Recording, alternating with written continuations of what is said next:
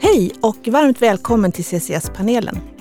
I podden samtalar vi om möjligheter och utmaningar för att nå klimatmålen. Genom dialog vill vi bidra till nya tankar och initiativ för hur vi tillsammans kan arbeta för ett hållbart och välmående samhälle.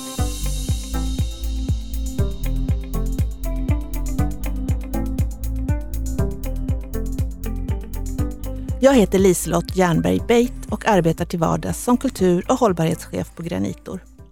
Som programledare för CCS-panelen blandar jag och ger olika infallsvinklar på det som vi inom Granitor benämner som ansvarsfulla affärer. Det innebär att jag samtalar med människor som verkar inom olika discipliner och som bidrar med sina perspektiv på den omställning vi står inför om vi ska nå 1,5-gradersmålet. I dagens avsnitt samtalar jag med Per Larshans, hållbarhetschef och ansvarig för affärsutvecklingen på Ragn-Sells. Vi kommer prata om den inre utvecklingens betydelse för den yttre framgången. Och också prata om hur man gör för att i praktiken ställa om från en linjär till en cirkulär affärsmodell. Vi kommer samtala om styrkor och drivkrafter och undersöka hur man i praktiken gör för att ändra en företagskultur. Per, har jag förstått, har nämligen erfarenhet av att driva det arbetet och inte bara på Ragn-Sells. Om jag har förstått det hela rätt så kanske vi kan få höra om både principer och metoder som vi kan låta oss inspireras av i vardagen. Per, varmt välkommen hit. Tack så mycket. Mycket trevligt att vara här. Tycker jag också att du är här. Kan du berätta lite om dig själv och om vägen till Ragn-Sells för våra lyssnare? Ja men absolut. Jag eh, hade bestämt mig att jag skulle bli vd för Volvo där när jag var 18 år gammal och det gjorde att jag gick tekniskt gymnasium. Och sen sökte jag in på universitetet eh, parallellt med det så började jag jobba extra på en hamburgerrestaurang. Och det här var jättespännande och, och plötsligt var jag chef där på den restaurangen också. Och då stod jag plötsligt med ett vägval. Ska jag ta min utbildning på industriell ekonomi eller ska jag bli reservofficer, för det var ett till alternativ jag hade. Eller ska jag börja jobba med fokus på Volvo i Göteborg?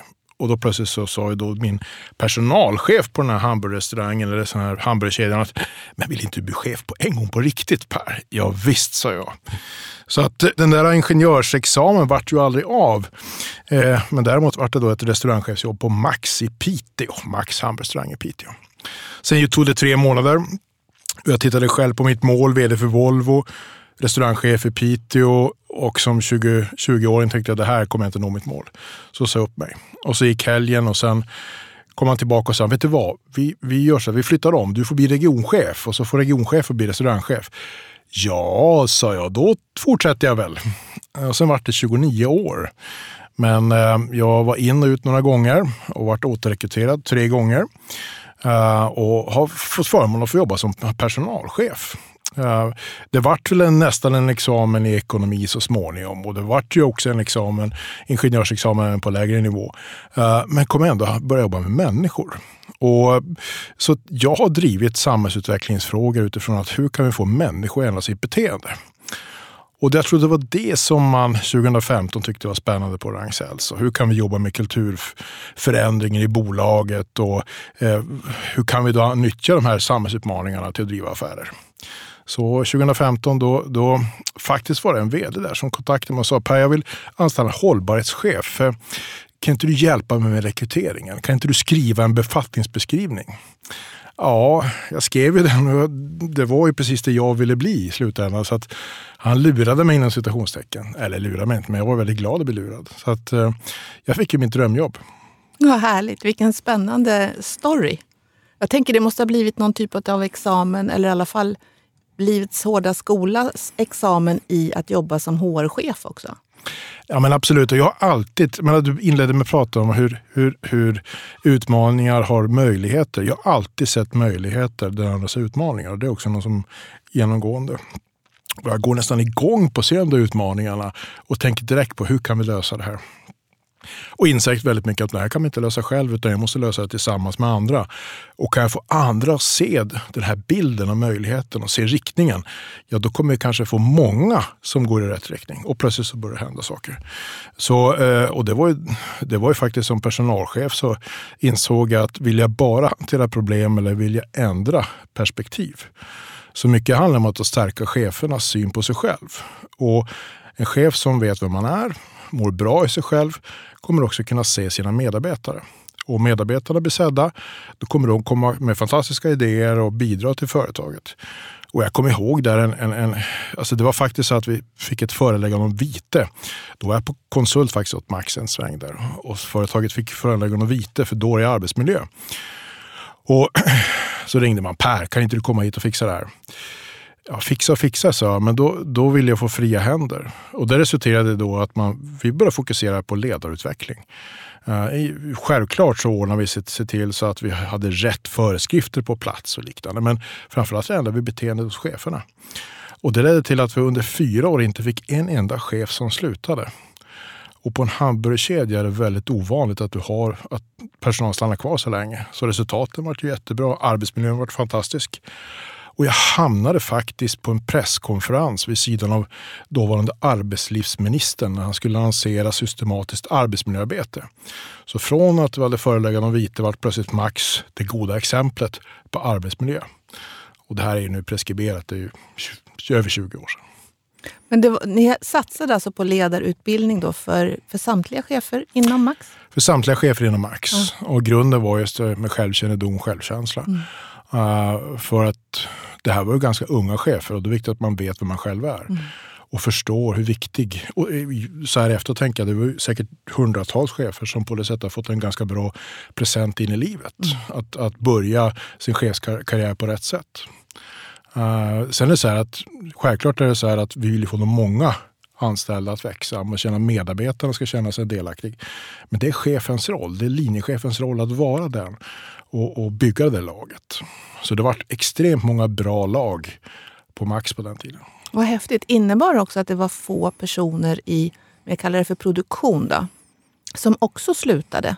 Eller? Ja, men det vart kontentan av det mm. hela. Och det är klart att om du har få människor som slutar, då ökar du servicegraden. Så då är det att försäljningen ökade och kostnaderna sjönk. Och, ja, det, det vart en väldigt bra spiral. Så förutom att servera goda hamburgare så vart det också dessutom bra service och, och, och, och tror jag mer leende mm. än, än kanske hos andra. Mm, häftigt. Nu, nu har vi pratat rätt mycket om Max. Jag tänkte att du skulle få en möjlighet. Jag tror alla, om vi säger Ragn-Sells, så ser ju alla bilarna säkert framför sig. Så att alla vet ju vad Ragn-Sells är. Men man kanske inte vet riktigt bredden av den verksamhet som ni bedriver. Så att, vill du berätta lite? Ja, när jag kom in på, på Ragn-Sells 2015 så var det också de här bilarna som jag såg och hade hört talas om. Och, och eh, jag fick ju då chansen att resa runt i bolaget och öppnade också några dörrar inom citationstecken. Det vill säga jag hittade människor som jobbar med forskning och utveckling på helt nya saker. Uh, och, och, Det bygger ju väldigt mycket på den nuvarande strategin, det vill säga att vi ska bli en råvaruleverantör och avgiftare av samhällets flöden. Idag är vi en återvinnare i dagens linjära ekonomi. Och vad innebär det för någonting?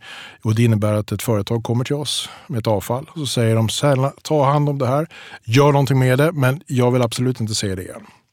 Det är återvinning i dagens linjära ekonomi. Imorgon då är vi en råvaruleverantör. Då kommer företag till oss och frågar efter, kan ni leverera den här resursen? Och det är klart att om vi går i närtid, senaste året, där det ju panik med fosfor. Och jag vet inte hur många samtal jag haft. När, hur mycket fosfor kan ni leverera? För det är så att en av dörrarna jag öppnade 2015 det var till ett helt innovationsbolag som vi hade köpt ett år innan som heter Easy Mining. Som hade innovation att kunna utvinna just fosfor ur avloppsslam. Helt unik lösning. Uh, idag är det vårt innovationsbolag med över 45 anställda. Då var det två när jag började. Eh, och idag är, är, marknaden global, potentialen är global. Eh, så, så här var det liksom det. Hur, hur vi nu plötsligt har blivit sett på ett helt nytt sätt. Och jag tror att om 30 år, framförallt om man pratar utanför de nuvarande gränser, vi finns i Sverige, Norge, Danmark och Estland, då kommer man tänka oss som just leverantör av näringsämnen, fosfor, kväve och kalium. Men det kan vi säkert prata mer om. Mm. Det är superspännande tycker jag.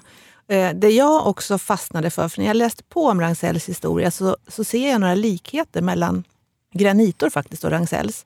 Båda är familjeföretag och drivs av brorsor.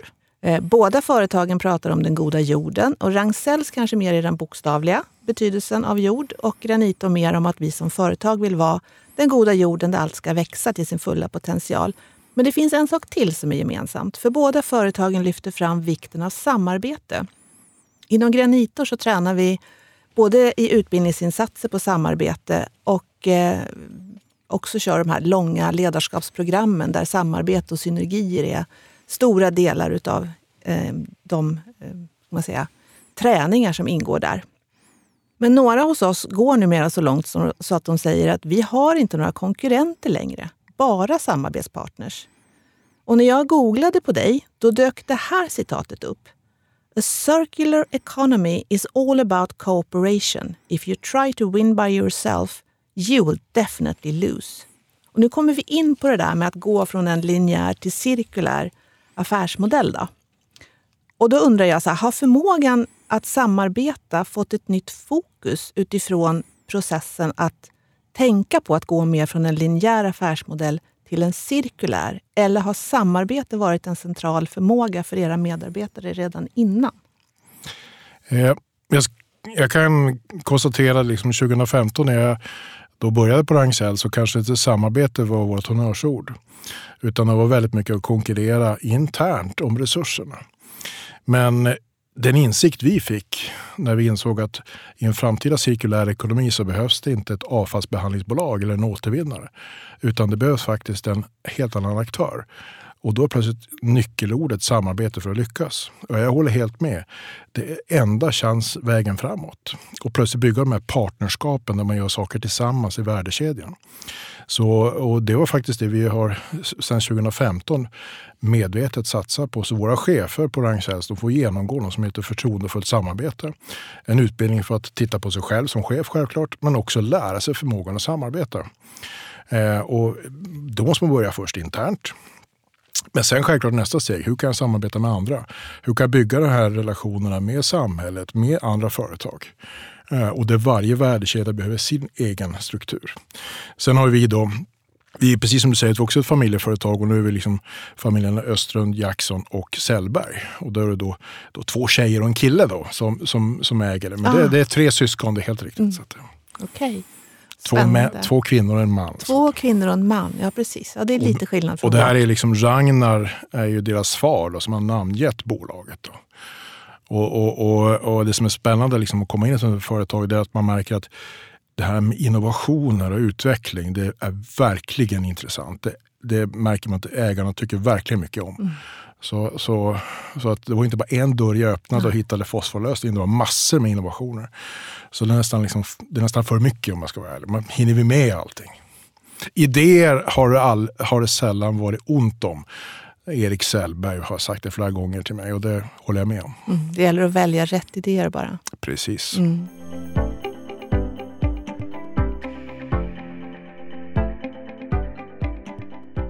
Den här podden heter ju CCS-panelen. Och det har ju, historiskt har det handlat väldigt mycket om carbon capture and storage. Och en av de sakerna som ni är inblandade i, det är i Estland i vad kallas det för någonting? Är det askan efter? Ja, det, det är alltså eh, Estlands gamla energiproduktion som togs fram under Sovjetunionens tid. Det vill säga att bränna oljeskiffer. Uh, så där ligger det då utanför Narva, den gamla svenska staden, ligger det, eh, ligger det 600 miljoner ton av askhögar. Och tack och lov att de ligger kvar höll jag på att säga. För när vi tittar in i dem så ser vi att här finns det ju massa intressanta ämnen som vi idag behöver. Och det mest reaktiva ämnet, det viktigaste ämnet att först ta bort ur askhögarna är, är kalciumoxid. Och sen har vi då kommit på en teknik där vi precis som du säger, vi använder koldioxid och kombinerar kalciumoxid med koldioxid och blir då kalciumkarbonat. Eller på svenska kan man säga kalksten. Eh, det vill säga det vi bryter på Gotland, eller populärt att prata om på Gotland i alla fall. Eh, och eh, nu tillverkar vi då en, en högkvalitativ råvara, alltså utfälld kalciumkarbonat av högsta kvalitet. Och jag har en liten anekdot att berätta. Jag var nedbjuden när, när Frankrike avslutade sitt EU-presidentskap. Och eh, på, på Intech 2022, EU-kommissionen har vartannat år har de de här konferenserna om ny teknik. Och jag fick beskriva då vår innovation. Eh, och efter mitt anförande så kommer det fram en, en, en, en, en av våra samarbetspartners från deras forskningsstiftelse. Och han berättar hur ren och fräsch och fantastiskt fin den är. Och så står det bredvid mig en, en, en man från Nederländerna som tillverkar PLA, alltså en typ av plast är det här lika ren som? Och så nämnde han en linjär aktör som bryter kalksten, mal den och som tillverkar kalciumkarbonat. Ja, du hörde själv, sa jag. Hur mycket kan jag köpa och när? Men då kommer vi till dilemmat här. Kalciumkarbonaten som vi framställer kräver koldioxid. Och dagens regelverk i Bryssel säger att om du väl har utvunnit eh, koldioxiden, det vill säga fångat in den, då ska den helst grävas ner i, i, i Atlanten eller i, i Nordsjön i ett gammalt borrhål. Den ska inte användas. Så det är, det är ett regelverk som egentligen stoppar produktionen av kalk som vi alla så desperat behöver och vill ha? Ja, ja. Och, och på totala potentialen i projektet är att vi kan minska klimatutsläppen med ungefär 400 miljoner ton CO2-ekvivalenter. Och för de som är snabb i, i, i hjärnan hör det här som ja, men det har det åtta gånger Sverige som nations totala utsläpp av koldioxid per år. Så det är enorma mängder som vi kan liksom undvika att det släpps ut. Och vi slipper bryta kalksten. Mm. Eh, sen är det så att vi kan inte ersätta då vi kan inte skicka den till Cementa för den håller betydligt högre kvalitet. Så det kan inte ersätta brytningen på Gotland. Men det kan ersätta brytning någon annanstans på, på, på vår planet mm. och därigenom släppa ut mycket mindre. Mm. Och minska fotavtrycken även för, för vatten eller, eller biodiversitet. Du, vi började med att prata om eh, att det finns ett driv att gå från en, en affärsmodell som är linjär till en mer cirkulär eh, affärsmodell. Eh, jag har ju snöat in på det här så vi har redan i två tidigare avsnitt avhandlat det här. Dels med Elin Bergman från CradleNet i avsnitt 33 och sen i avsnitt 36 där jag också pratar med Josefina Salén ifrån RISE. Men hur gör man internt för att få attention på det här att vi behöver tänka på ett nytt sätt? Mm. Ja, kruxet då med cirkulär ekonomi eller den transformationen är ju att den sker inte bara internt utan den sker ju också ute i samhället. Och man behöver ha rätt regelverk på plats. Man behöver hitta rätt partners som också inser att jag behöver ta mina resurser på nya ställen. Eh, där är ju Tarkett ett lysande exempel. Eh, Tarkett är ju då en golvtillverkare som har haft en linjär princip men idag är helt dedikerad till att ta cirkulärt. De vill till och med få tillbaka sina gamla mattor och tillverka nya mattor. Men de är partner just i projektet i Estland. Eh, och då är det plötsligt innovation som sker mellan företagen och där samhället blir en tredje part. Eh, så att, så att eh, övertyga internt tror jag är faktiskt, när vi pratar innovation, du måste ha grunden för att kunna samarbeta. Men sen är det det här kruxet med hur får man två olika kulturer att mötas, två olika företag att mötas? Eller hur får man företaget och samhället och samhället våga lyssna på oss företag? För historiskt tillbaka har ju politiker livrädd för företag. De vill ju bara tjäna pengar. Ja, fast de företagen de överlever inte. Så, och där tycker jag politiken har verkligen börjat lyssna mycket, mycket mer. Jag har haft förmånen att få vara då, haft förmånen på näringsdepartementet just då, där vi var 20 stycken utvalda att, att komma med råd och idéer. Hur, hur, kan Sverige, med rubriken, hur kan Sverige eh, se till att vi år 2045, att industrin är fossilfri? Eh, det var rubriken. Och med fokus på hur kan vi exportera innovationer som vi behöver och hjälpa resten av världen med.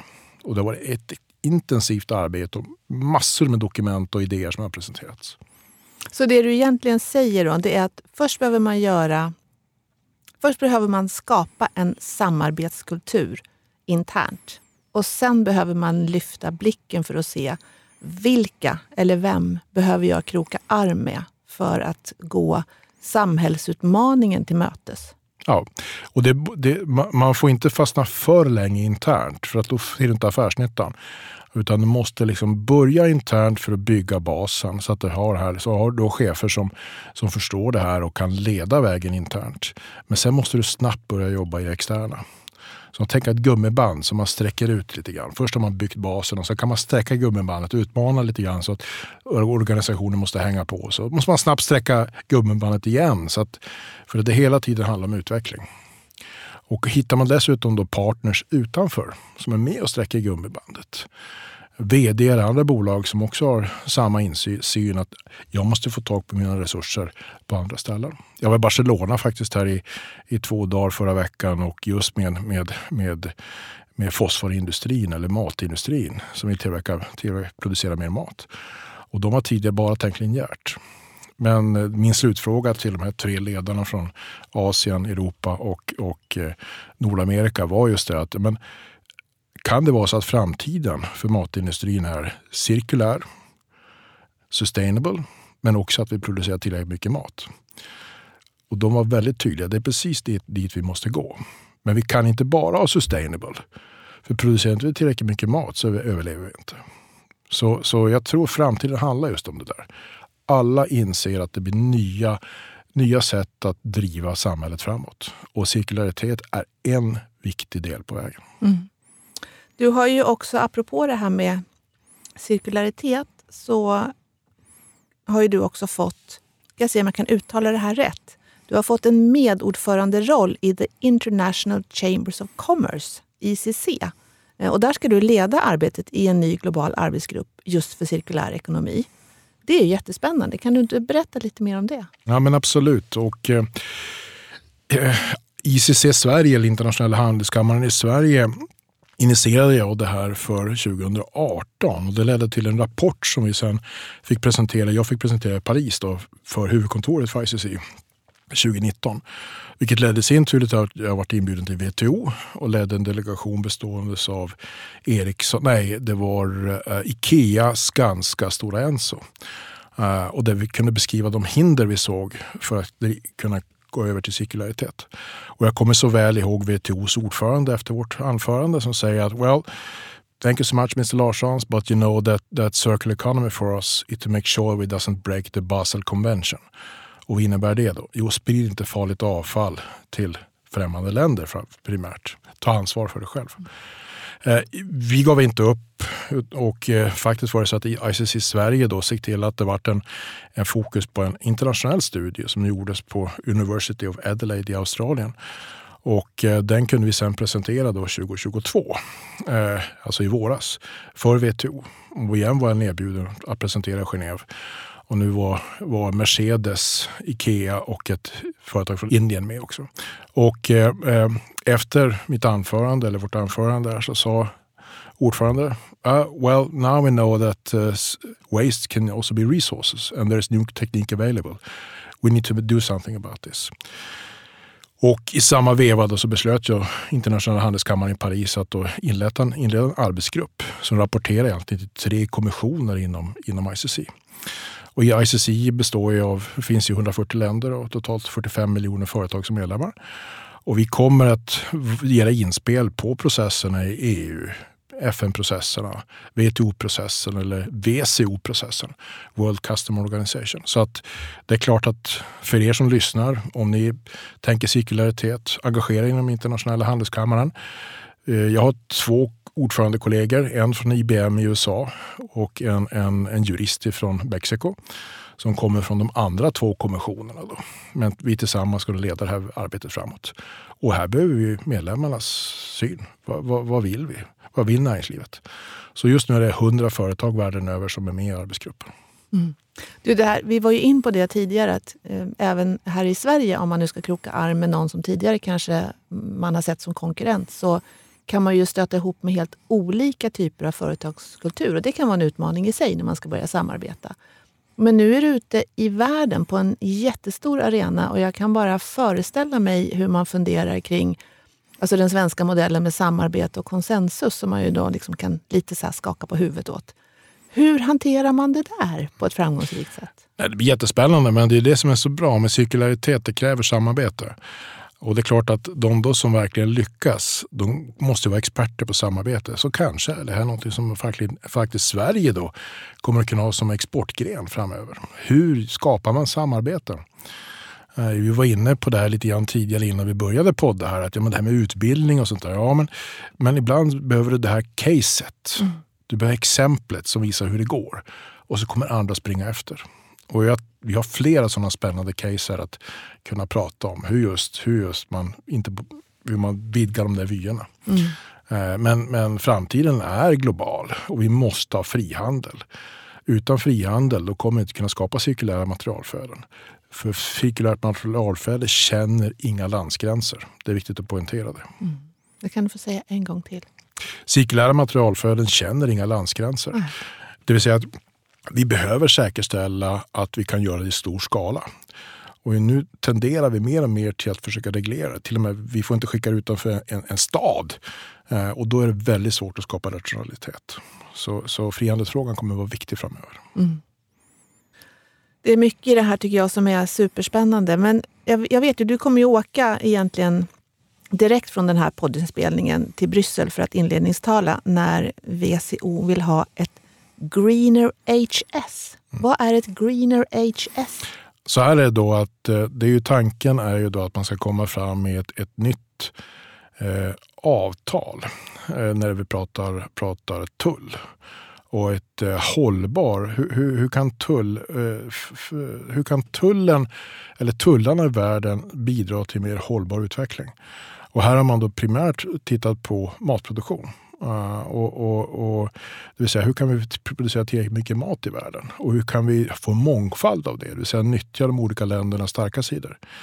Jag kommer bland annat tala om, om vårt, vårt arbete i Norge. Där vi har tagit fram en lösning där vi kommer att kunna utvinna fiskbajs ur, ur fjordarna. Det vill säga fiskslam. Eh, och det här är ett av stora huvudverken för Norge. Man vill gärna producera mer fisk. Men då måste du undvika att det blir övergödning. Då måste fosforn och kvävet upp. Och där har vi tagit fram en teknik som kan fånga upp det här faktiskt ur, ur de här eh, fiskodlingarna. Uh, och det roliga här är ju då att vi har ju teknik dessutom för att utvinna kvävet och fosfor i nästa steg. Men då är vi tillbaka i lite dilemma här. Då, att just nu tillåter inte lagstiftningen oss att använda de här resurserna vi har tagit ut sen. Men där jobbar vi i Bryssel just nu. Så det kommer jag adressera i WCO och försöka få the World Customer Organization som det heter att driva på då för att det är kvalitet som ska avgöra och inte ursprung. För det är dagens principer i lagstiftningen. Det var också det jag talade i WTO om mina båda gånger, att det måste vara kvaliteten som avgör och inte ursprung. Mm. Då kommer utvecklingsländerna, då kommer vi kunna producera betydligt mer resurser för en global befolkning. Jag tänker på, eh, när du beskriver vad du gör så tänker jag så här. Du, du är hållbarhetschef på Ragn-Sells. Hur mycket arbete hinner du ägna åt Ragn-Sells? Det, det, känns för mig som att du är ute och påverkar utanför för att säkerställa affärsutvecklingen för Ragn-Sells i ganska stor utsträckning? Jag kan säga att jag har tre hattar inom Ragn-Sells och du sa initialt att jag var ansvarig för affärsutveckling. Ja, den långsiktiga affärsutvecklingen, då är vi fyra stycken personer som driver. Eh, vi har vår eh, chef för strategi som anger riktningen. Eh, jag som beskriver i min roll med min funktion och min personal hur vi tar oss dit. Och sen har vi personer som tar fram då lösningar. Vad är det vi då ska sälja för någonting och hur ska vi kommunicera till marknaden? Så vi är fyra stycken funktioner egentligen som driver affärsutveckling. Men, men de personliga hattarna jag har på mig själv, det är sustainability, det vill säga våra interna hållbarhetsmål, våra ambitioner fram till 2030 och hur vi då mäter hur vi når dem, det vill säga hållbarhetsrapportering. Och där driver jag arbetet internt. Sen har vi det, de två externa hattarna. En är public affairs och grunden för alla våra innovationer har vi insett är liksom att vi måste få lagen på vår sida. Där har jag ett team i Bryssel på plats som, där Maria Wetterstrand jobbar, jobbar tillsammans med henne och hennes team där nere. Och sen har, vi, har jag det sista, senaste benet och där har min första Head of Innovation faktiskt börjat idag arbeta wow. i Danmark. Eh, och, eh, så att eh, det är hur man driver innovation. Och vad är, vad, är, vad är innovation för någonting? Ja, du har klassisk affärsutveckling. Det vill säga kunden frågar efter en sak, hur kan vi ta fram en sån här lösning? Eller jag erbjuder marknaden någonting och varsågod och köp. Och så har du forskningen, det är 10, 15, 20-åriga, det är långsiktiga, tar fram helt nya, nya delar. Sen har vi det här mellansteget, innovation. Det vill säga där man jobbar tillsammans med andra företag eller tillsammans med samhället och utvecklar saker kanske på ett till tre till fem års horisont. Så det är liksom mina tre ansvarsområden. Det låter som att du har ganska mycket att göra. Ja, men vi ska se till att det är de många som får mycket att göra. Och min, min uppgift är att peka på riktning och inspirera och få då medarbetarna att se att de har kraften och möjligheten. Och då blir plötsligt de här externa delarna jätteviktiga. Ser du några risker eller har, du, har det varit tillfällen där det har varit kanske en nackdel att vara det där exemplet som man tittar på eller pratar om? Nej, men det är jätteviktigt att man eh, är compliant som det heter. Eh, och, och, eh, och det, jag har ju tre ägarfamiljer som är jättetydliga. Liksom det. Vi, är, vi ska vara och göra rätt. Sen är det så här, vi har tusentals medarbetare. Jag kan inte garantera varje dag att någon inte gör, gör rätt. Men systematiskt, alltså utifrån företagsperspektiv, så är det big no-no. Vi ska följa lagstiftningen. Vi ska vara, vara exemplet i det. Men vi, jag poängterade än en gång, vi, liksom, vi är inte perfekta, perfekta på något sätt, och vi, utan snarare tvärtom. Vi vill, vi vill lära oss och, och, vi vill gärna dela den kunskap vi har. För då vet vi att då kommer det några som räcker upp handen där. Och de som räcker upp handen, det är de som vi ska samarbeta med.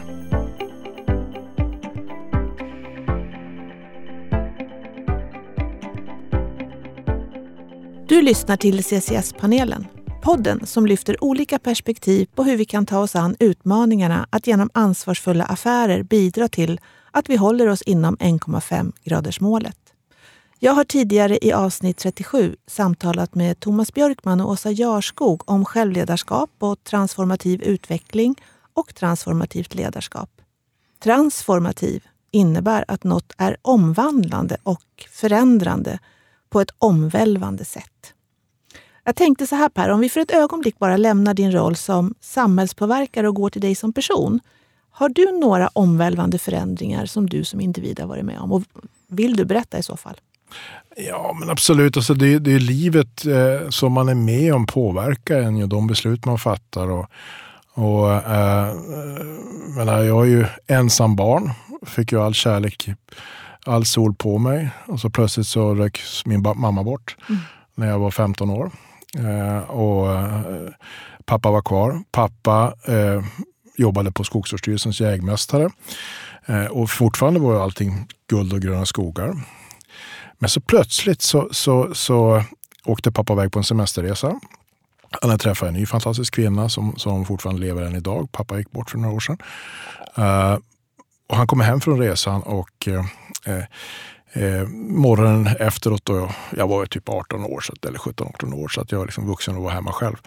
Eh, så möter jag honom på frukosten och så säger han så här, Hör du Per, du behöver inte ta upp efter oss. Här. Nej, de kommer att fixa det där. De kommer att fixa det där. Det var han och jag typ. Jaha.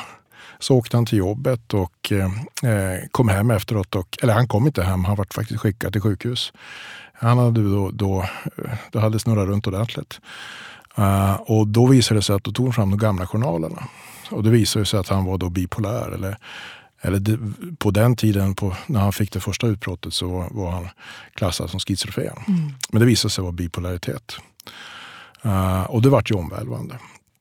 Men faktiskt var det så att det här liksom, det stärkte mig ytterligare att inse att nu är jag själv. Uh, mor är borta, pappa är sjuk, så jag blev vuxen där som 18-åring. Eh, och det gjorde att jag grävde ner mig själv i arbete. Men samtidigt drog nytta av det där. För några år senare när jag jobbade som HR-chef så, så lyssnade jag på ett föredrag om Winston Churchill. Uh, och då konkluderade jag faktiskt, och han var ju själv, Winston Churchill var ju bipolär. Uh, och, och uh, och insåg det att mitt arbete med att få människor med funktionsnedsättningar att se för sin kompetens, det hade egentligen kanske med min far att göra.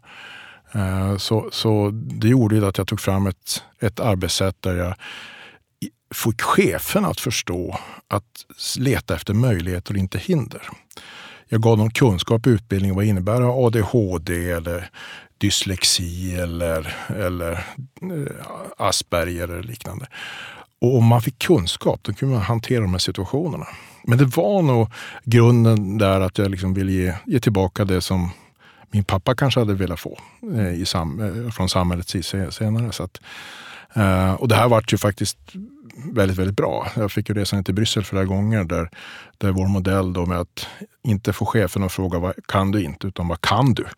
Eh, till medarbetarna. Som gjorde att plötsligt så anställdes det hundratals medarbetare. Extremt kompetenta, för man hittade rätt person. Mm. Och dedikerade personer. Så att, eh, allt det vi är med om i, i livet det påverkar en. Mm. Och i mitt fall så har det här varit en, varit en, en tragisk sak som varit väldigt positiv i slutändan. Mm. Tack för att du väljer att dela med dig. Jag tänker att det också det, det kommer in snubblande nära på det här som vi började med, att det finns...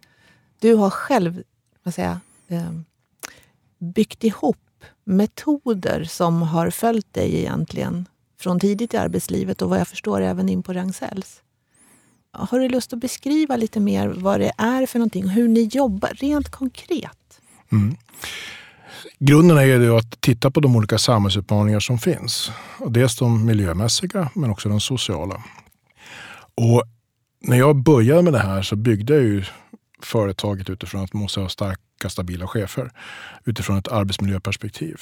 Och men steg nummer två var ju där, hur kan man rekrytera människor med funktionsmöjligheter?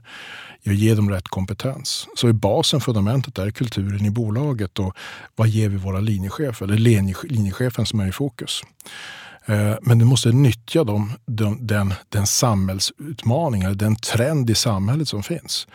Och kan jag då haka på när trenden kommer, har byggt basen först, haka på när trenden kommer, ta fram en lösning, dela kunskapen, då kanske jag blir exemplet. Eh, och några år efter vårt arbete, eller mitt arbete med att anställa människor med funktionsnedsättningar så fick jag faktiskt en förfrågan från Max ägare där att, att skulle inte du kunna komma tillbaka med förslag hur vi ska göra med klimatet? Vi vill gärna ta ansvar för det där. Och jag kunde absolut ingenting. Jag bodde på bondgård. Och det var också ett argument. Du bor på bondgård, du kan ju det här med miljö Per. Och det vill jag inte påstå att jag kunde. Och, och, eh, men jag grävde i alla fall ner i möjligheten och hittade då en, en teori som eh, de fyra systemvillkoren som togs fram av, av Karl-Henrik Robert bland annat. Och, och insåg att ja, men här har vi en riktning. Sen kunde jag kombinera det med den här ledarskapsteorin baserat på Will Schutz arbete. Hur bygger vi grupper eller individer som, som, som eh, lär känna sig själv och i relation med andra förstår hur samspelet fungerar. Så de två kombinationerna med just att hitta människorna som behöver lösningen, dela det till dem, då kommer andra berätta din historia. Och jag varit ju ansvarig då för klimat, ta fram ett förslag på hur vi ska lösa klimatfrågan på Max. Och eh, så småningom presenterade då klimatmärkta hamburgare som, som en del. Klimatkompenserade hamburgare gjorde en massa åtgärder. Eh, men så kom vd till mig efter åtta månaders undersökning och sa Per, nu har du hållit på åtta månader. Det är för lång tid. Du är personalchef, tillbaka, rekrytera. Anders, du är marknadschef. Nu ska det ut på marknaden. Nu ska vi berätta om det här. Anders kom tillbaka efter tre månader. Min bebis hade försvunnit från mig i den här klimatmärkningen. Och så sa han, Per, du vet, det är jättesvårt med marknadsföring att kunna kommunicera det här. Utan eh, jag kommer ge råd till styrelsen att du blir ansvarig. Eh, du får, har vi någon chans då måste du liksom försöka beskriva vad vi har gjort för någonting. Och det resulterade som sagt var att jag fick tillbaka min bebis. Hittade de här människorna som behövde ha den här lösningen delgav dem vår kunskap, delade frikostigt. Och plötsligt började andra berätta om oss. Jag hamnade, Naturvårdsverket hade någon sån årligt tv-sändning om hållbarhet. och vart jag, fick jag vara med där. Och sen skulle Sverige, hade seminarium, skulle visa upp goda svenska innovationer när, när Dr. Pachauri, FNs klimatpanels ordförande, reste runt den här sommaren när man försökte förhandla fram avtalet i, i, i Köpenhamn som aldrig blev av. Uh, och jag fick någon minut på mig där. Sen plötsligt så slår man på tvn. Då står Paul McCartney i EU-parlamentet och berättar om fyra exempel i världen. Varav ett är Max klimatmärkning. Hur man kan förändra beteende. Så sprid kunskap. Dela det till människor som, som vill lyssna. Och de i sin tur kanske pratar vidare. Så, så plötsligt var det här. Så jag fick ju sluta som personalchef då. För jag fick ju bara jobba med hållbarhetsfrågor plötsligt. Det tyckte ägarna var viktigare. Mm. Det känns inte som att du har ångrat det? Jag har absolut inte ångrat det och det kan jag säga liksom det att de, de, sen, det var fantastiska 29 år på Max men, men det är helt magiskt, den mm. resa vi är i nu. Mm. Den omställning som samhället gör på riktigt, där man inser att resurserna tar slut. De nio planetära gränserna håller vi på att överskrida allihopa. Och svaret hittar vi i cirkularitet. Så vi sitter ju på liksom en fantastisk lösning. Och att få vara en liten del av det, vara en liten fluga på väggen och vara med och bidra känns fantastiskt. Så jag har inte ångrat ett ögonblick. Och sen att vi har Ragn-Sells som sagt var grundades 1881 så det är ett gammalt bolag. Och jag känner att det här kommer bolaget kommer att vara kvar i generationer framöver. Barnen som är på väg in nu, de är, ja, de är, det blir riktigt spännande att se. De är riktiga miljöintresserade människor. Så det, det, det, det, är många andra också, men de, det är kul att se den här kommande generationen på väg in. Mm. Jag tänker också på den här utbildningen som du har refererat till. Um, vad heter det nu igen? Då? Förtroendefullt samarbete. Förtroendefullt samarbete, ja precis. Jag tänker så här, det, hela du utstrålar ju på något sätt också generositet och god vilja. Ingen känsla av att eh, protektionism eller att hålla forskningsresultat eller idéer för dig själv. Utan att det, jag upplever att du verkligen är besjälad av att bidra för att någon eller några ska kunna hela tiden föra arbetet framåt. Jag tror det, att, att du kanske förlorar någon gång att någon har stjäl din idé. Men du vinner så pass mycket mer. Mm. Och de här som håller saker inom, inom för sig själv, och, de kommer inte att vinna imorgon. Uh, I dagens ekonomi så, så kan man kanske tjäna på det, men i morgondagens ekonomi så är du borta. Mm. Jag tänker också på det här med, vi pratade om det förut med timing. Jag pratade ju med eh, Andreas Gyllenhammar som är eh, hållbarhetschef på Sweco eh, här för några veckor sedan. Ehm, och han pratade väldigt mycket om det här med timing och när timingen slår fel. Men har du några knep också för att fånga upp signaler kring de här samhällsutmaningarna? För de har du nämnt som en, en liksom vägledande princip. Det är väldigt svårt att gå emot en trend. Eh, men en trend kommer. Om du kan snabbt identifiera den trenden eh, då kan du böja trenden, du kan rida på den, du kan nyttja den. Eh, så det är väl en gyllene sak. Så du måste vara flexibel. Sen är det så att du har ju en grundidé, vad ska vi leverera för någonting och då måste, strategin måste göra, om du gör en riktig strategi på riktigt, då baseras den ju på vad är det för trender i samhället och vad finns det för möjligheter. Men jag kan inte jobba, hoppa till full hållbarhet imorgon om vi pratar naturliga steget-terminologi. Jag måste hitta de vägar som bär mig i den riktningen och hoppa på rätt tuva. Och där kommer det här tajmingen. Eh, och där har jag, jag tror jag haft en sån förmåga och tränat den förmågan under, under, alla, under hela mitt yrkesliv också. Att förstå vad, vad, vad, kan vi, vad vill samhället nu? Där jag kanske mer förstår liksom, vad vill politiken och hur kan vi nu, vad finns det för momentum i politiken? Men kör du bara på din linje, du har ett enda spår, då, då, då blir tajmingen ofta fel tyvärr. Mm. Du måste ha den här flexibiliteten. Mm. Jag tänker också att du, jag vet inte om du vill prata om det, men jag vet att du, när vi förberedde det här så berättade du också om att du gjorde ett test någon gång som visade på den kapacitet som kanske också kan vara, om man nu pratar kognitiv mångfald, så är vi ju vi är olika vad det gäller drivkrafter, vi är olika vad det gäller hastigheter och en massa sådana saker som, som påverkar. Vi kan också komma från olika kulturer och bära med oss olika säga, perspektiv och infallsvinklar. Men du fick ju också nys om att du hade en förmåga eller kapacitet som kanske inte så många i en arbetsgrupp har. Nej, och du är inne på en väldigt viktig faktor där att ett lag består inte av fem Zlatans. Ett lag består av väldigt många olika kompetenser och du måste ha förmågan att kunna se varandra. Sen det, det, det du refererar till också, det är ju den, den, eh, jag fick en, en psykolog som skulle ta sin licensiering på Stockholms universitet som skulle göra ett antal av de här stora psykologitesterna så jag blev erbjuden att ta det testet gratis. Så jag hoppade ju på. Lite scary. Vad kommer ut efteråt här? Jag var inte speciellt smart, ja, hyfsat intelligent, men det stack inte ut på något sätt. Men eh, det stack ut på ett ställe och det var att kunna se komplexa samband fort.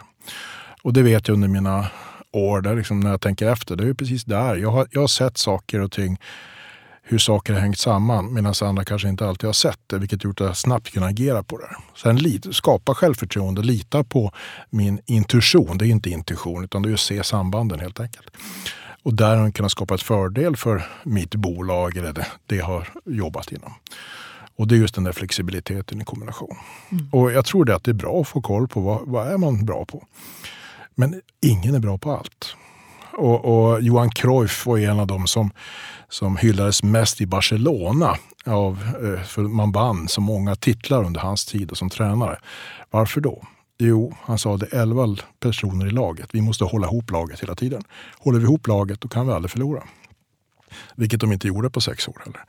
Så, så laget är viktigt. Sen måste du hålla det gummibandet som sträcker laget framåt så de blir utmanade. Eh, och sen dilemmat för oss det är väl att vi, har inte, vi spelar inte bara en typ av, av idrott. Det är inte bara fotboll utan det är korphockey och det är allt möjligt. Eller vi, alltså, vi jobbar med alla materialflöden i hela samhället i princip.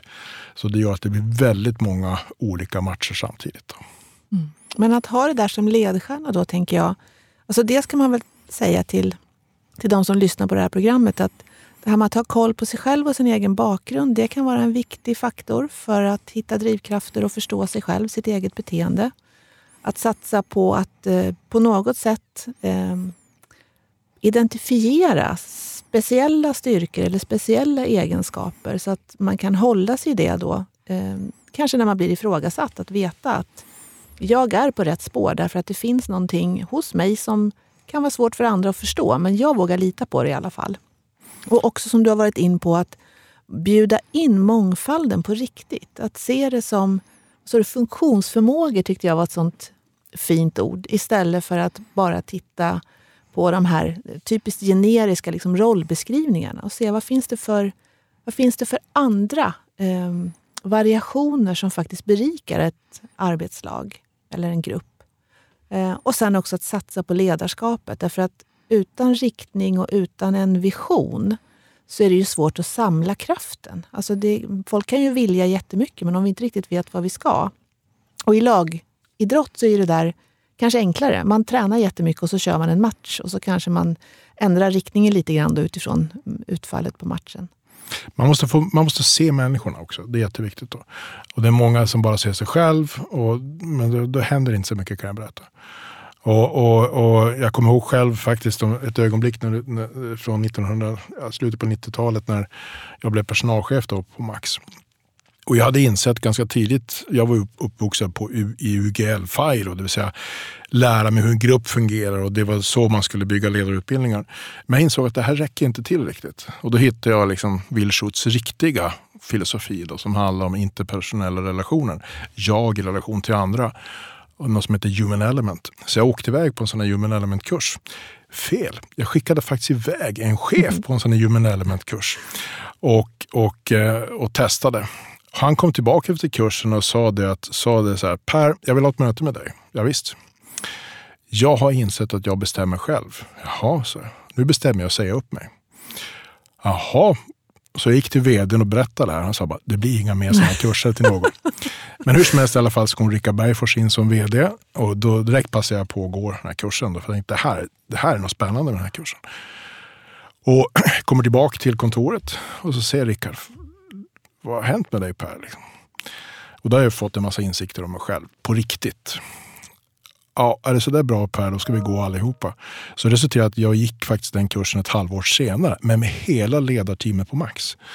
Och det var också kanske en av grunderna till att vi vart så sammansvetsade och liksom verkligen litade på varandra. Eh, vi fick verkligen höra om varandra och utmana varandra på ett positivt sätt. Den är inte som UGL konfrontativ utan snarare tvärtom. Liksom. Du, du, du vill dela den med andra. Uh, så jag tror det är en nyckelfaktor också. Och, men sen, jag betonar än en gång att jo, Zlatan är bra någon gång, men du måste få laget. Du måste, många måste synas. Mm. Och vi ska synliggöra hjältarna i organisationen. Det är jätteviktigt. Mm. Nu kom du in på fler såna här transformativa händelser. Tänkte du på det? Ja, jag kom på det när du mm. började prata om det här. Så Jag kan bara bekräfta. Jag har också gått uh, The Human Element. Och Eh, det är många av de övningarna som lever kvar i mig fortfarande. Så att, eh, jag håller med. Eh, är det någon som lyssnar nu och är sugen på att utmana sig själv så är det, det är en bra kurs att åka på. Vi ska nog börja tänka på att avrunda Per. Det har varit fantastiskt spännande att hänga här med dig idag. Och jag vet ju som sagt att du ska åka iväg nu och inledningstala efter det här. Har du lust att dela med dig om alltså, titeln på det talet? Som... Ja, alltså, det handlar ju om hur kan vi säkerställa att vi bidrar till, till matproduktionen i världen genom cirkulära lösningar vikten av att få lagstiftning på rätt sida. Nu är det titeln på engelska som sagt ja. och, och, Det här är ju jättespännande att få vara inledningstalare när WCO då sätter igång en sån här process som i mars månad ska leda till någon typ av nytt statement eller ny riktning angående just världs... Och WCO, vad reglerar de? Ja, de reglerar 98 procent av världshandeln. Eh, alltså tullarna. Så det är, liksom, det är, inte, en, det är inte en liten organisation. Eh, sen måste jag säga det att även om vi pratar nu WCO här nu så ser jag jättemycket fram emot klimatkonferensen. Där i, i Egypten där, där Ragn-Sells är en av de 18 bolagen som Sverige då tar med sig till, till klimatkonferensen. Och det är klart, det är våra innovationer med fosfor, kväve, kalium, men också havbruk från Norge. Men också vårt Estlandsprojekt eh, som kommer att exemplifieras där med partners och visa upp för samhället. Och eh, vi vet att vårt projekt i Estland kan faktiskt bli två systerprojekt i framtiden. Det finns liknande askhögar i Jordanien och eh, i Utah i USA. Så när nu vi delar kunskap så kanske fler blir inspirerade så kan mm. vi undvika att släppa ut så mycket koldioxid på fler ställen i världen också. Ja, det vore ju fantastiskt. en av de sakerna vi har pratat om en del i det här programmet det är det här med att skapa hopp för känslan av hopp tror jag är ganska viktig. Det värsta vi kan göra nu det är att lägga oss ner och tro att ingenting spelar någon roll. Eh, och då har jag också förstått att känslan av hopp den är väldigt sammanlänkad med att vi gör. Det är ingenting som bara slår oss som kärlek eller glädje utan det, det kräver att vi faktiskt agerar. Jag känner hopp eh, när jag pratar med kloka människor i den här podden därför att jag får höra om en massa saker som de gör. Men jag tänker så här, hur, hur har du det med hoppfullheten? Jag är väldigt hoppfull. För som sagt jag ser bara möjligheter och allas utmaningar. Eh, och jag vet att efter regn så kommer sol. Och du behöver ha de här motgångarna för att du ska kunna liksom känna glädje i medgångarna också. Eh, och det är klart att ibland, som det är nu med världsläget, så går vi kanske två steg bakåt. Men jag tror sen kommer vi gå tre eller fyra steg framåt. Och mänskligheten har alltid löst sina utmaningar genom att innovera, genom att tänka nytt. Men du måste stå där nära ättestupan, det är först då det händer. Eh, och jag tror att cirkularitet kommer vara en given faktor framöver. Eh, men vi behöver gå igenom vissa utmaningar på vägen, tyvärr är det så. Mm. Ja, det ska bli så spännande att följa eh, allt det här arbetet som ni gör. Så jag vill tacka dig så jättemycket Per för att du ville hänga här med mig idag. Otroligt spännande. Vi skulle säkert kunna sitta resten av eftermiddagen och prata tror jag. Tack också till dig som har lyssnat. Eh, jag hoppas att du liksom vi lämnar det här avsnittet med en stark känsla av hopp över de spännande initiativ som vi har pratat om idag. Kanske har du börjat fundera över vilka samhällsutmaningar som skulle kunna lägga grunden för just ditt företag att gå från en linjär till en cirkulär affärsmodell. Eller så kanske du är nyfiken på vilka transformativa insatser du skulle vilja vara med om för egen del. Vill du dela dina tankar eller reflektioner med mig så skicka ett mejl eller sök upp mig på LinkedIn. Och från studion i Stockholm säger Per och jag just nu hej då! Hej då!